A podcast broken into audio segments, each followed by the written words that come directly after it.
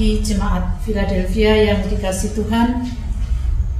Bapak Ibu Saudara yang pada saat ini bersama-sama mengikuti ibadah dengan kami di mana pun tempatnya Mari kita awali ibadah kita. Kita memasuki minggu Prapaskah yang keempat.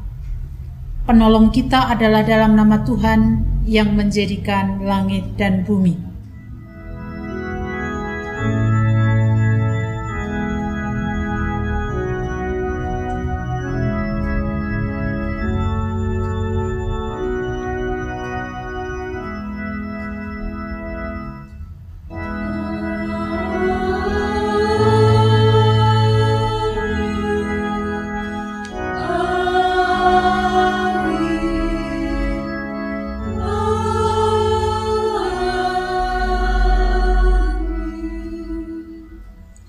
Kasih karunia dan damai sejahtera dari Allah Bapa kita dan dari Tuhan Yesus Kristus menyertai saudara sekalian. Bersama-sama kita mendengarkan apa yang dinyatakan 1 Yohanes 2 ayat 5. Tetapi barang siapa menuruti firman-Nya, di dalam orang itu sungguh sudah sempurna kasih Allah. Dengan itulah kita ketahui bahwa kita ada di dalam Dia. Kita bersama menyanyikan Kidung Jemaat 18 bait 1 dan 3 Allah hadir bagi kita.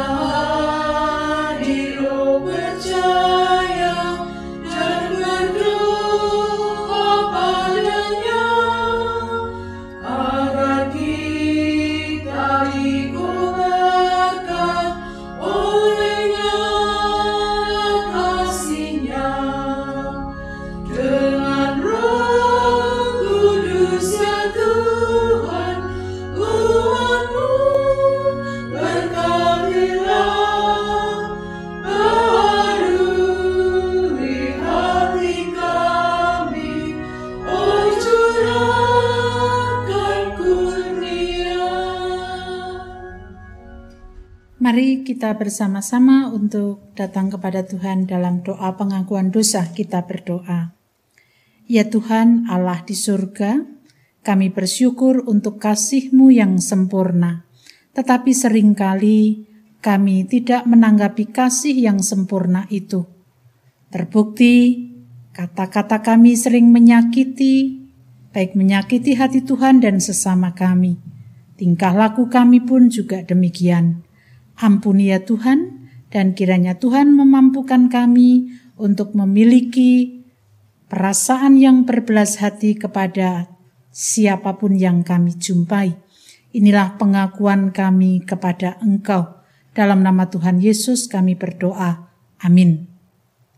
Pernyataan pengakuan dosa secara bersama-sama kita nyatakan melalui Kidung Jemaat 158 bait 1 dan 2 ku ingin menghayati.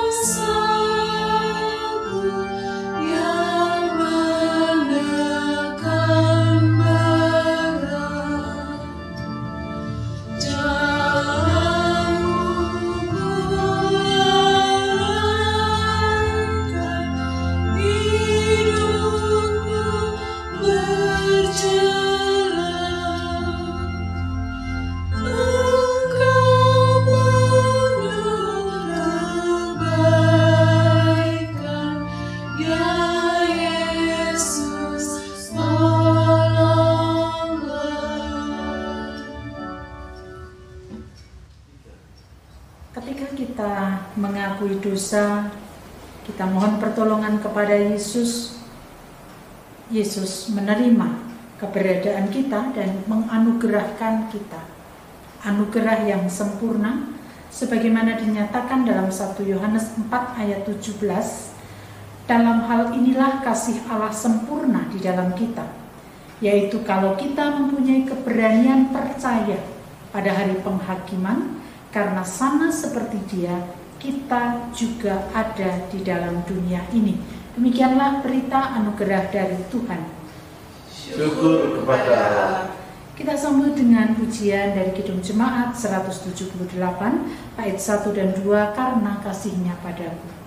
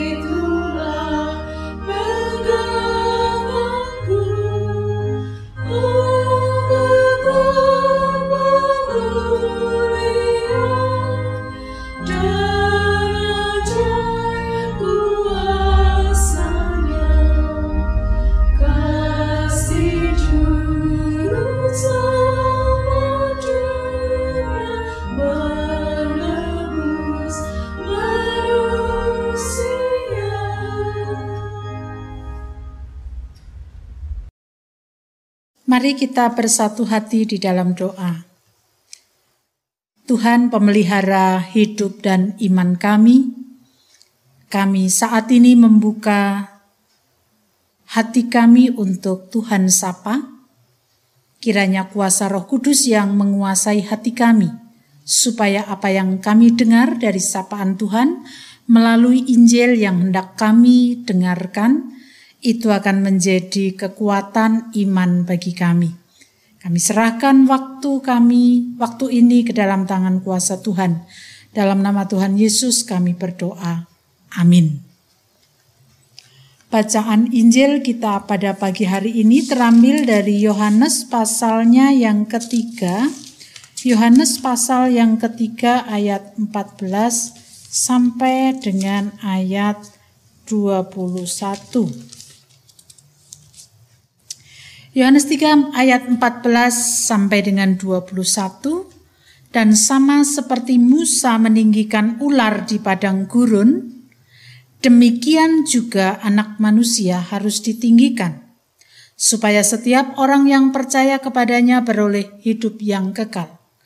Karena begitu besar kasih Allah akan dunia ini sehingga ia telah mengaruniakan anaknya yang tunggal supaya setiap orang yang percaya kepadanya tidak binasa, melainkan beroleh hidup yang kekal.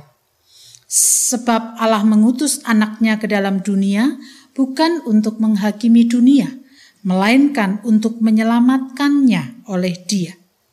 Barang siapa percaya kepadanya, ia tidak akan dihukum. Barang siapa tidak percaya, ia telah berada di bawah hukuman, sebab ia tidak percaya dalam nama Anak Tunggal Allah.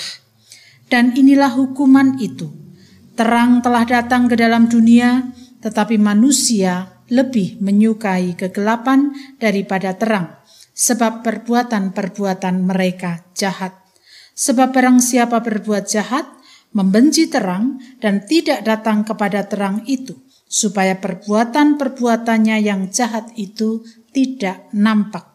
Tetapi barang siapa melakukan yang benar, ia datang kepada terang, supaya menjadi nyata bahwa perbuatan-perbuatannya dilakukan dalam Allah. Demikianlah bacaan kita pada pagi hari ini. Berbahagialah kita yang mendengarkan, merenungkan, bahkan melaksanakan dalam kehidupan sehari-hari. Hosiana.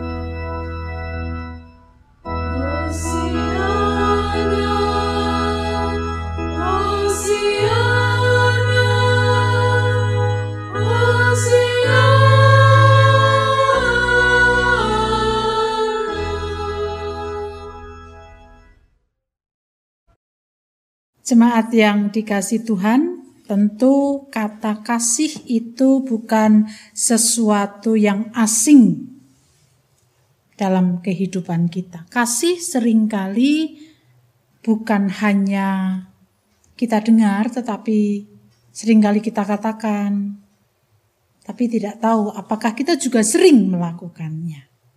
Nah, apa sih sebenarnya kasih itu? Orang mengatakan kasih itu sabar, tidak salah. Kasih itu murah hati, ya. Dan lain sebagainya, sebagaimana dikatakan di dalam Korintus.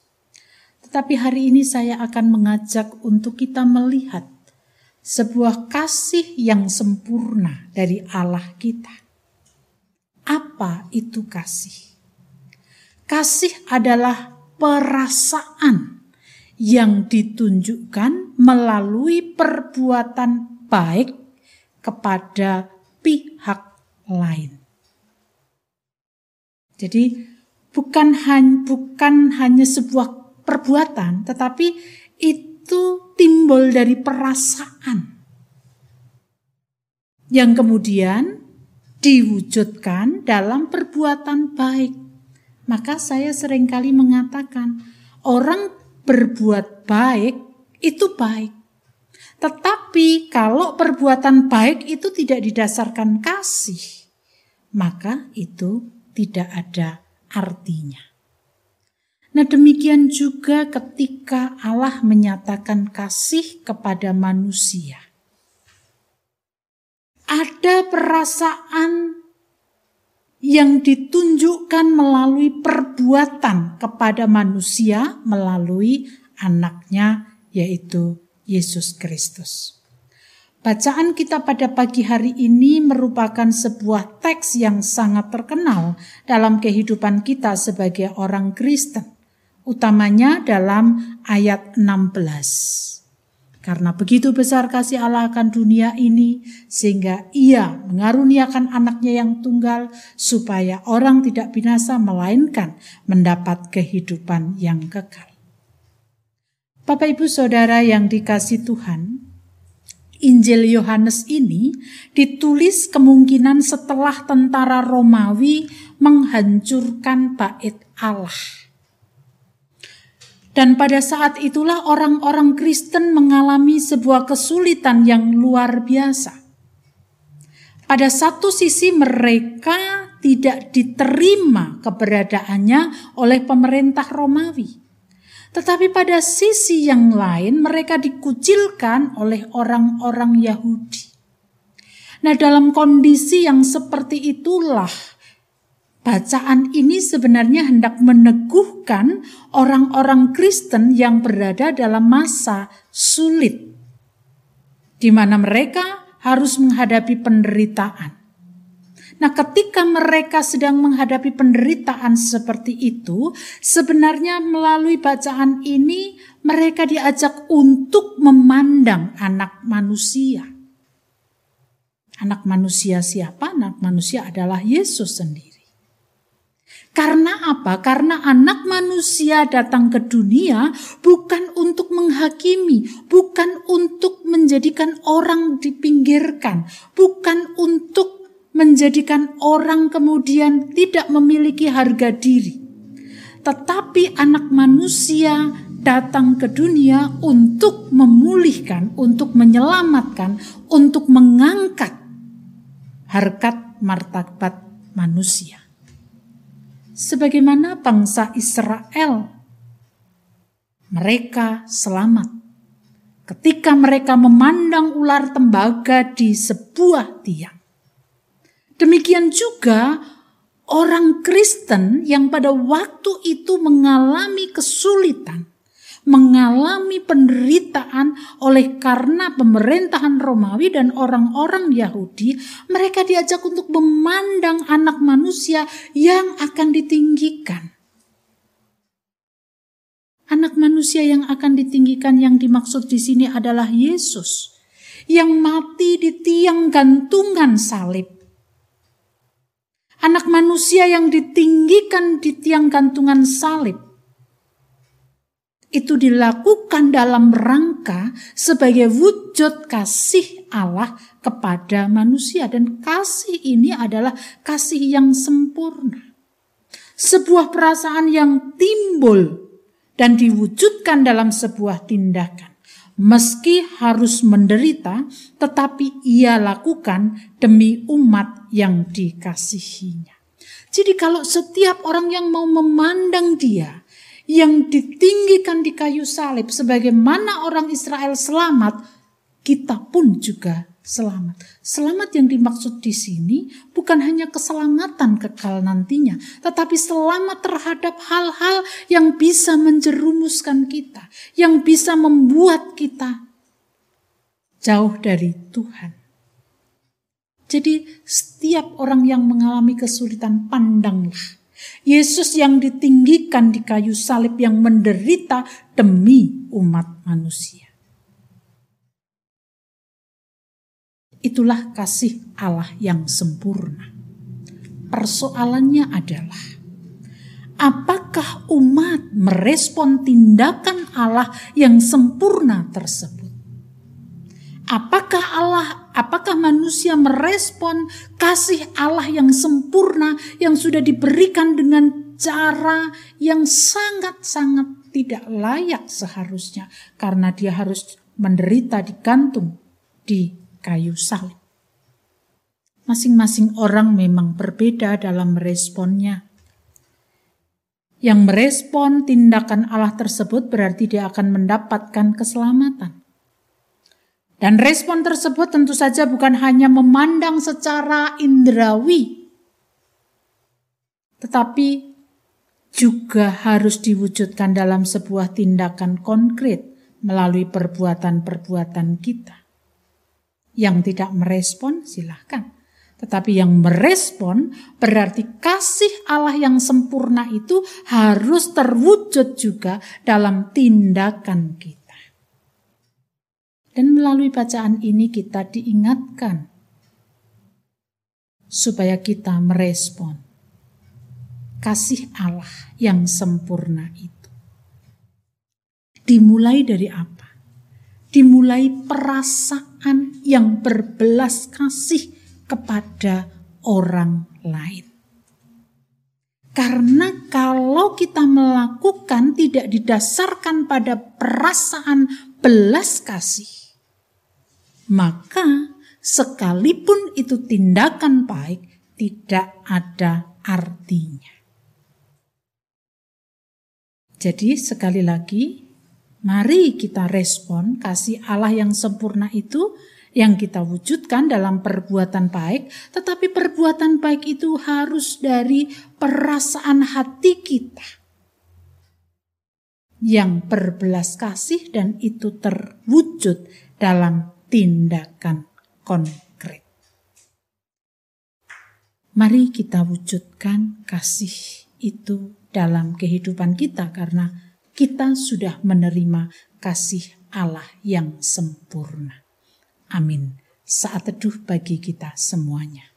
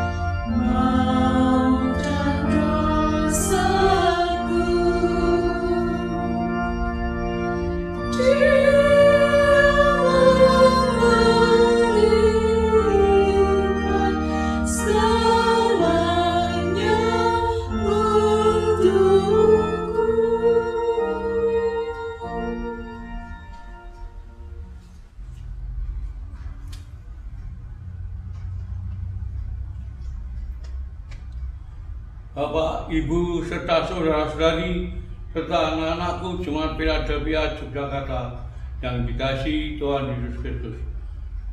Marilah, Bapak, Ibu, saudara-saudari, serta anak-anakku, saya ajak bangkit berdiri. Sambil meletakkan tangan kanan di dada sebelah kiri, marilah kita perbarui iman kita melalui Imam Rasul. Aku percaya pada Allah Bapa yang Maha Kuasa, Khalik langit dan bumi, dan pada Yesus Kristus anaknya yang tunggal, Tuhan kita, yang dikandung daripada Roh Kudus, lahir dari anak darah Maria, yang menderita di bawah pemerintahan Pontius Pilatus, disalibkan, mati dan dikuburkan, turun dalam kerajaan maut. Pada hari yang ketiga, bangkit pula dari antara orang mati. Surga duduk di sebelah kanan Allah, Bapa yang Maha Kuasa, dan akan datang dari sana untuk menghakimi orang yang hidup dan yang mati. Aku percaya pada Roh Kudus, gereja yang kudus dan am, persekutuan orang kudus, pengampunan dosa, kebangkitan daging, dan hidup yang kekal. Bapak, Ibu, Saudara-saudari, dan anakku, saya persilakan untuk duduk kembali. Mari kita bersama-sama untuk menyatukan hati kita datang kepada Tuhan dalam doa syafaat kita berdoa. Ya Tuhan, Allah yang menyatakan kasih sempurna kepada kami melalui tiang gantungan di kayu salib di dalam penderitaan Yesus Kristus dan itu merupakan wujud cinta kasih Allah. Kiranya Tuhan menolong kami untuk menghayati cinta kasih tersebut supaya kami dapat meresponnya dan mewujud nyatakan dalam kehidupan sehari-hari. Terima kasih untuk kasih yang sempurna yang sudah Tuhan anugerahkan kepada kami. Dan pada saat ini kami hendak membawa kehidupan kami sebagai bangsa dan negara kami mohon berkat dan pertolongan Tuhan dalam menghadapi pandemi yang saat ini juga masih harus kami hadapi dalam kondisi yang tidak menentu. Ada begitu banyak tambahan pasien COVID, pasien positif COVID. Tapi kami juga bersyukur ada banyak juga saudara-saudara kami yang sembuh dari penderitaan akibat pandemi tersebut. Kami percaya Tuhan pun terus akan menjaga dan menolong kami. Tuhan memampukan kami untuk mengelola kehidupan pemberian Tuhan, menjaga kesehatan yang Tuhan anugerahkan kepada kami, dan juga Tuhan terus memberkati kami supaya melalui upaya-upaya kami menerapkan protokol kesehatan, kami bisa menghambat penyebaran pandemi COVID ini. Kami berdoa untuk pemimpin bangsa dan negara kami dalam upaya mereka untuk menghadapi tantangan yang tidak mudah ini. Kiranya Tuhan memberkati dan memampukan mereka supaya mereka pun melakukan pekerjaannya untuk kesejahteraan bangsa dan negara ini. Kami berdoa untuk setiap keluarga kami di jemaat Philadelphia apa pun pergumulannya terkait dengan kondisi ekonomi, terkait dengan kesulitan-kesulitan yang harus kami hadapi, kiranya Tuhan memberkati dan menolong kami. Kami berdoa secara khusus untuk saudara-saudara kami yang sedang sakit. Kiranya Tuhan memberkati, menyembuhkan, menguatkan, dan terus menjamah dengan tangan kasih Tuhan. Kami berdoa untuk Bapak Mariman, Bapak Nugro Yulianto dan Ibu, Ibu Painah Teguh, anak kami Vino, Ibu Arista Kurniawati, Ibu Francisca Sri Wahyuni, Bapak Widiat Mojo, Ibu Bapak Mugiarto Hadi, Bapak Suratijo, dan juga saudara-saudara kami lain yang membutuhkan pemulihan kesehatan, Kasih kemurahan Tuhan senantiasa Tuhan anugerahkan dan pada saat ini secara khusus kami juga berdoa untuk keluarga yang harus mendampingi. Kiranya Tuhan memberkati mereka semuanya. Anak-anak kami yang sudah mulai masuk dalam ujian dan juga mempersiapkan diri untuk ujian, apa pun bentuk ujian tersebut, berkatmu engkau limpahkan kepada anak-anak kami. Pergumulan terkait dengan pekerjaan, ekonomi, pergumulan pribadi, dan juga hal-hal lain yang tidak bisa kami sebutkan, Kiranya Tuhan terus memberkati kami.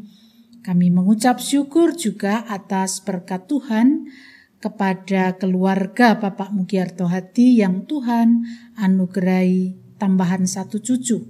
Kiranya Tuhan terus memberkati anak kami tersebut, cucu kami tersebut, supaya bertumbuh dalam sikap takut akan Tuhan.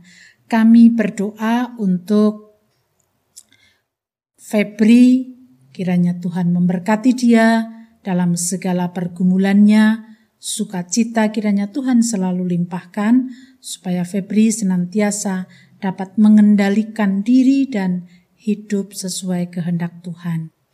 Inilah harapan kami kepadamu Tuhan, ada begitu banyak hal yang hendak kami sampaikan, tetapi keterbatasan pikiran kami, kami tidak bisa menyampaikannya satu persatu, tapi kami percaya Tuhan memberkati dan menyempurnakan seluruh syafaat kami. Kesempurnaan ini kami serahkan dalam nama Tuhan Yesus Kristus yang telah mengajarkan kepada kami doa Bapa kami.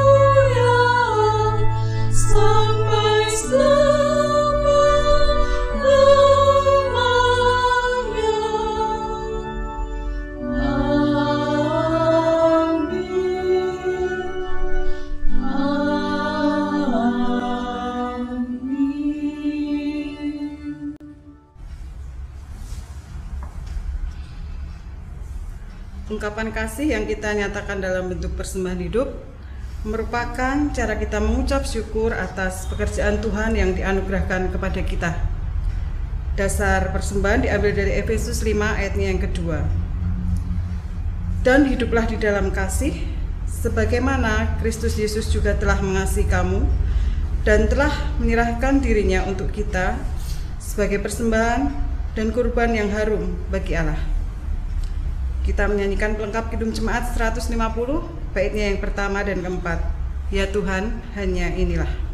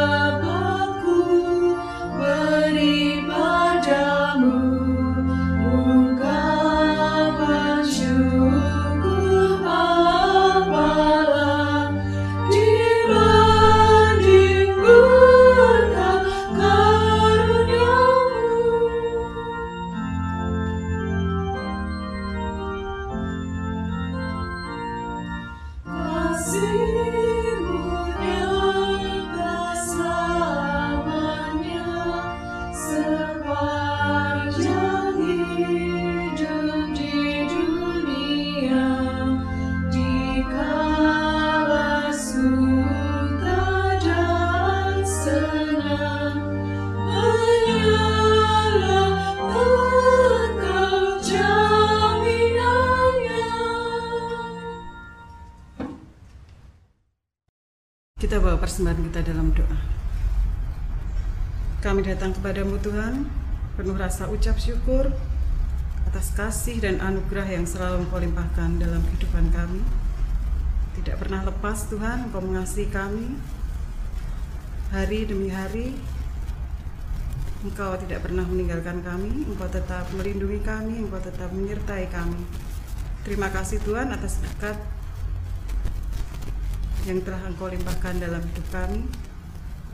Dan saat ini kami bawa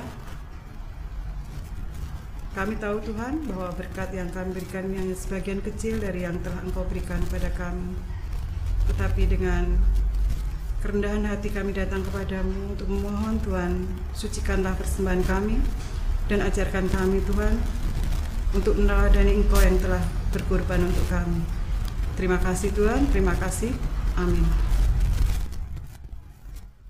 Allah telah menyatakan kasihnya secara sempurna dan kasih itu selalu beserta dengan kita. Oleh karena itu, mari kasih yang sudah kita terima, kita wujudkan melalui tindakan kita.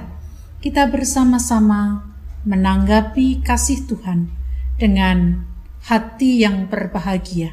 Kita menyanyikan Kidung Jemaat 392 bait 1 dan 2. Kita pujikan dengan bangkit berdiri.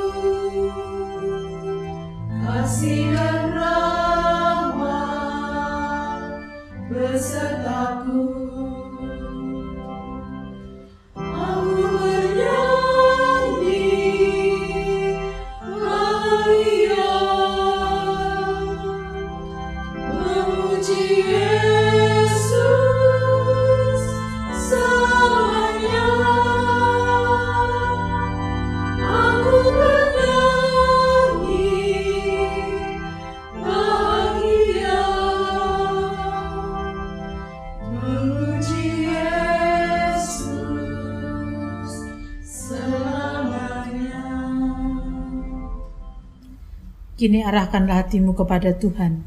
Kita akhiri ibadah di rumah kita masing-masing dengan sukacita. Lanjutkan hidupmu dan teruslah berkarya bagi Tuhan. Terimalah berkatnya. Kasih karunia Tuhan Yesus Kristus dan kasih Allah Bapa serta persekutuan Roh Kudus menyertai saudara sekalian selama-lamanya.